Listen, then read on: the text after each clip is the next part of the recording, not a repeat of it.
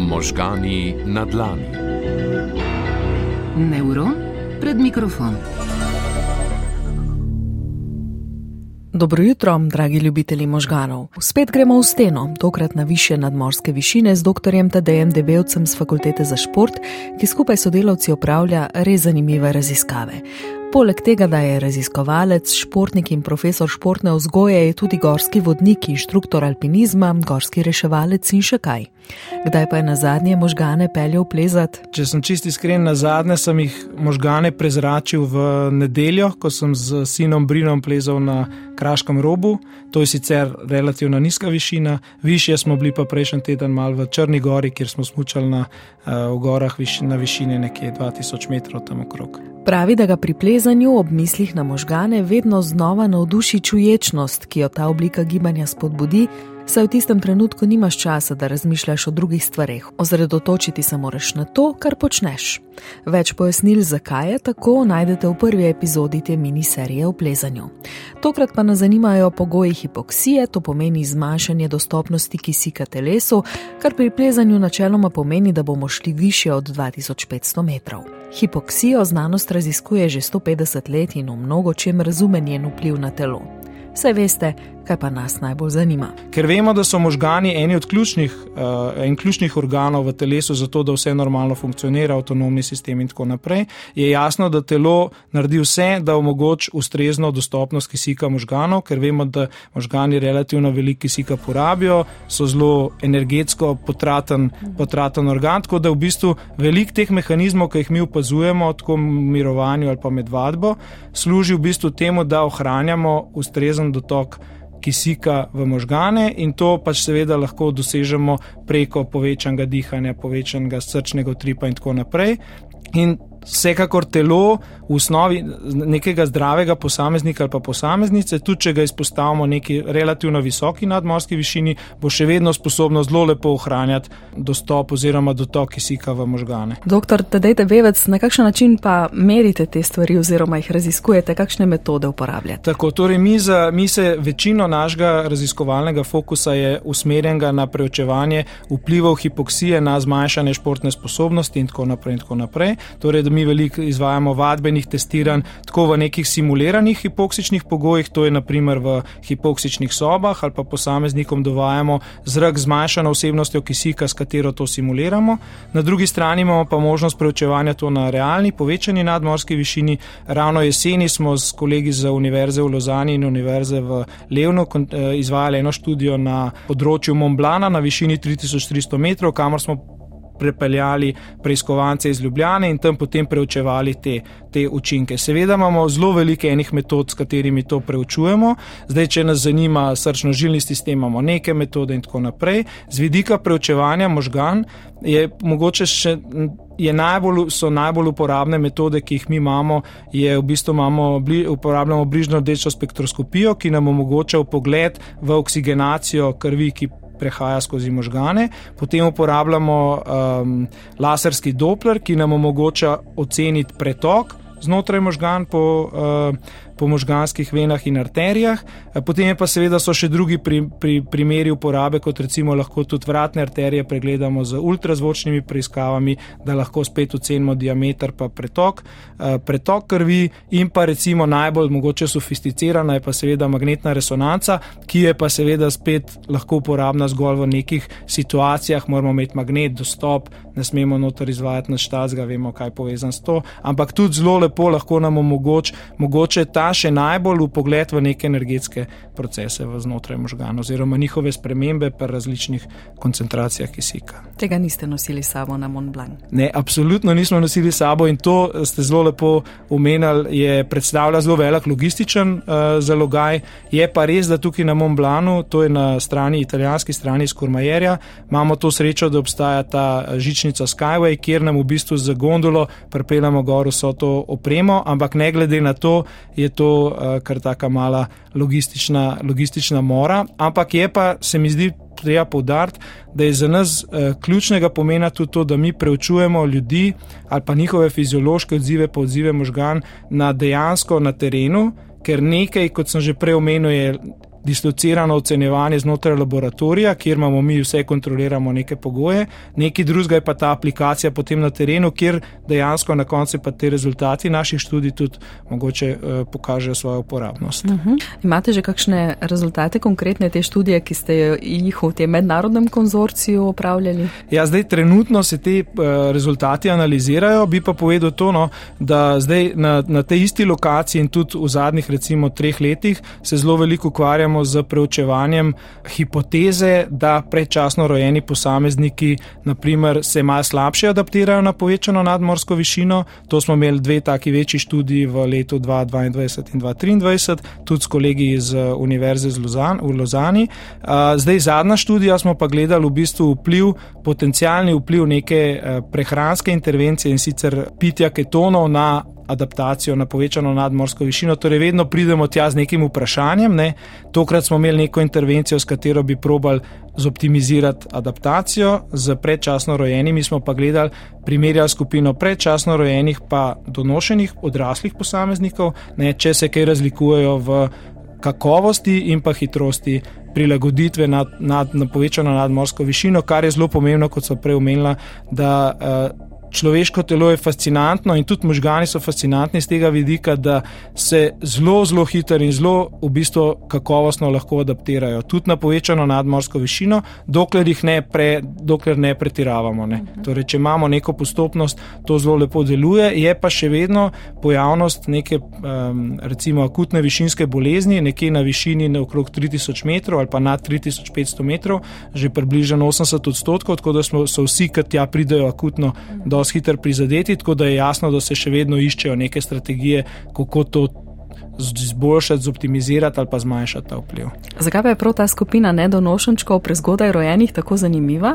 Ja, nas je zanimala predvsem zato, ker, smo, ker so eh, kolegi iz Amerike, zdaj z njimi tudi neki, eh, v bistvu smo mal na vezi in sodelujemo, v bistvu takrat objavili v eh, reviji New England Journal of Medicine, kjer je ena najbolj priznanih revij na, na medicinskem področju, dejstvo, da so oni opazili, da pri skupini predčasno rojenih, takrat, kadar jih spostavijo vdihavanju zraka z zmanjšano vsebnostjo kisika, torej taki simulirani hipoksiji, oni se ne odzovejo tako, kot se povprečni človek odzove, to pomeni s povečanjem dihanja, s povečanjem globino in frekvenco dihanja, ampak v bistvu se na to niso nekako odzvali, torej niso imeli tega pozitivnega.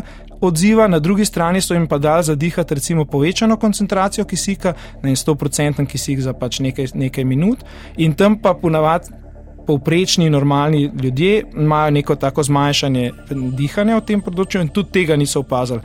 In potem, ker vemo, da je v bistvu najbolj učinkovit ali pa najbolj tak eh, manifesten primer adaptacije akutne povečano dihanje, s katerim poskušamo nadomestiti zmanjšano koncentracijo kisika v sistemskem obtoku, ne, smo potem ugotovili, da mogoče je pa to v bistvu problem in bojo oni aplikativno ne se teže adaptirali. Moram pa povedati, da pa smo že naredili kar nekaj uh, analiz in kar nekaj člankov je bilo že objavljenih. Tukaj sta dva doktorska študenta, en iz Lozane, uh, Giorgio Manfredeli in pa en iz Ljubljane, Benjamin Narank, ki dela doktorat le pri nas na univerzi, sta naredila zelo velik že dela in smo ugotovili, da v bistvu ni čisto nujno, da je vedno slabše za njih in da za določene stvari celo ta manjši odziv je celo bolj pozitiven. To pomeni mogoče malo manjša verjetnost uh, višinske bolezni ali pa malo boljš v bistvu prenašajo napor akutno na višini kot povprečna skupina recimo normalnih donošenih posameznikov. Je pa treba povedati, da je seveda to eh, neka omejena število ljudi, ki smo jih mi testirali, ne tako, da ima svoje omejitve, ampak v grobom smo bili pa kar presenečeni, da ni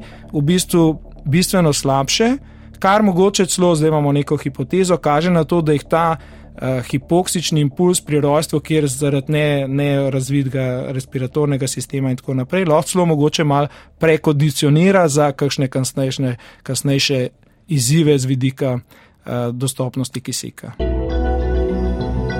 Možgani na dlani. Tokrat smo jih peljali v pogoje, kjer je kisika manj, kot so ga sicer vajeni, pa še plezamo. Možgani torej to znajo zelo dobro regulirati in se z njimi ne zgodi toliko, kot bi pričakovali, pravi sogovornik. Ključni sta aklimatizacija in postopnost. Zelo velik del preučevanja možganov z, vidi, z našega vidika je eh, zelo pomemben tudi eh, pri preučevanju spanja. Vemo, da na višini, ne, o tem se tudi zelo veliko govori, no skratka na višini je spanje dost, dost moteno, sploh na višinah nekje na 2500 metrih in pri večini ljudi se pojavlja to tako imenovano periodično dihanje, spanje je poslabšano in tako naprej. In pri tej oceni, celi polisomnografiji, no, eh, mi lahko zelo lepo ocenimo tudi eh, električno aktivnost možgan in tako naprej, tako da lahko tudi to preučujemo in vidimo, kako zelo vpliva v bistvu nekaj časa adaptacije na to, da se te stvari bistveno izboljšajo, ne samo na možganskem vidiku, ne, ampak tudi v bistvu pol na dihalnem. Kaj pa, če si dovolimo iti še malo dlje in više in pomisliti na plezanje v razmerah, kjer je atmosfera drugačna, gravitacija pa tudi, naprimer na Luni ali pa na Marsu? Ja, zdaj uh, Luna ali pa Mars, ne vemo, čim nismo v naši atmosferi, ne se mnogo stvari zelo spremeni. Ne. Plezanje v osnovi, če bi človeka dal na Luno, pa če bi imel normalen dostop do kisika, ne, ker ga tam sicer ni tako, kot je pri nas, bi bilo zelo enostavno, zato ker vemo, da je na Luni sam ena šestina približen zemljske gravitacije, to pomeni, da je plezanje bistveno, bistveno lažje na vzgor. Ne. Seveda pa potegne to za sabo polno enih težav ki jih seveda lahko naslavljamo. Glavni problem te mikrogravitacije, ki jo posameznik lahko začuti, recimo v vesolju ali pa pri bivanju na mednarodni vesoljski postaji, ne, je predvsem to, da pride do nekih sprememb v, v telesnih tekočinah, re, redistribucije in tako naprej. Ampak tudi v tem primeru ne, mi, mi poznamo polno enih zapletov, ki pridejo s to in, eh, ortostatsko intoleranco, težave imamo z uravnavanjem pritiska, ampak ne glede na to se pa v bistvu cerebralni pretok relativno dobro ohranja. In tle spet se pokaže pač nekako ta um,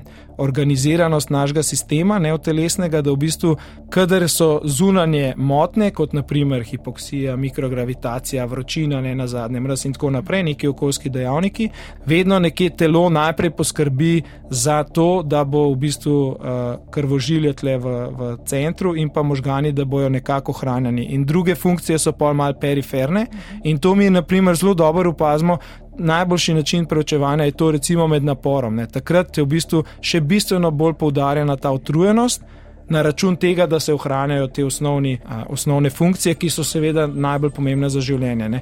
Tako pripoveduje dr. Tadej Debevec. Za danes torej odnesemo ključno sporočilo, da se naši možgani zmorejo res učinkovito prilagoditi na različne plezalne razmere, tudi zmanjšane količine kisika, da je pomembna postopnost, ko gremo na više nadmorske višine, da se organizem privadi, da možgani stvari optimizirajo tako, da so preskrbljeni z vsem potrebnim, tudi če mi za to nismo najhitrejši, najboljši, najbolj spretni. In preden se stopimo, kaj pa naprej? Ko govorimo o znanstvenih raziskavah. Ja, torej mi imamo polno enih idej, vedno začnemo raziskavo z željo, da bomo najdeli en odgovor, potem se nam pa vmes deset vprašanj spet pojavi. Zdaj, trenutno, no, nas kot sem že omenil, nekako poskušamo v naši raziskovalni skupini delovati na področju uh, optimizacije, aklimatizacije na povečano nadmorsko višino, torej kakšne protokole uporabljati, koliko hitro moramo iti, koliko prej se moramo izpostaviti, da bomo pol boljš funkcionirali na povečani nadmorski višini. Zelo velik našega fokusa pa mora reči tudi v zadnjem času se pa nanaša tudi na, na vročino in na adaptacijo na vročino, to je pa mal povezan z vidika tega globalnega segrevanja in ni samo vezano na, na neko športno sposobnost pa tako, ker prihajamo iz športnega vidika, ne, to nas najbolj zanima, ampak ima tudi čist eh, splošno javno zdravstveno aplikacijo, ker vemo, da recimo vročina zmanjšuje produktivnost, slabo vpliva na zdravje, velike teh stvari in zdaj probamo tudi mi nekako poskušati preučevati te stvari z vidika kako preprečevati te težave z nekimi vročinskimi aklimatizacijami in tako naprej, na eni strani, pa potem mogoče pomagati športnikom. Pri pripravi, recimo tudi v Parizu, zdaj, ko bo olimpijske igre, vemo, da bo avgusta relativno vroče v Parizu. Ne? In uh, ti športniki, preden gre tja, ne pomislijo na naprimer vročinsko aklimatizacijo, ne? Uh, mislim, da njegov trener ni naredil domače naloge, čisto celoti. Tako da ima aplikacijo, pa mogoče še to za zaključek te teme, telo se, kot sem že prej omenil, in tudi možgani se zelo dobro prilagajajo na hipoksijo. Na vročino se pa mi še skoraj bistveno bolj prilagodimo. Res neverjetno, kaj mi v bistvu vidimo, kako se lahko zadaptiramo v bistvu na neko vroče okolje za tiste, ki tega niso navajeni. Res hvala, možgani. Naši za vse, kar nam omogočate in seveda še posebej sogovornikovi. Dr. Tadej Debevec je res neizmeren vir zanimivih podatkov in upogledov možgane, ki plezajo. Veliko športnih užitkov pri praksi in v raziskovanju mu želimo. Do prihodnič samo še na svet, da lepo in zlagoma z njimi ravnate, če greste kam više, v vsakem primeru pa prijetno aklimatizacijo na dan, ki je pred vami, želim mojca delač. Možgani na dlani. Neuron pred mikrofon.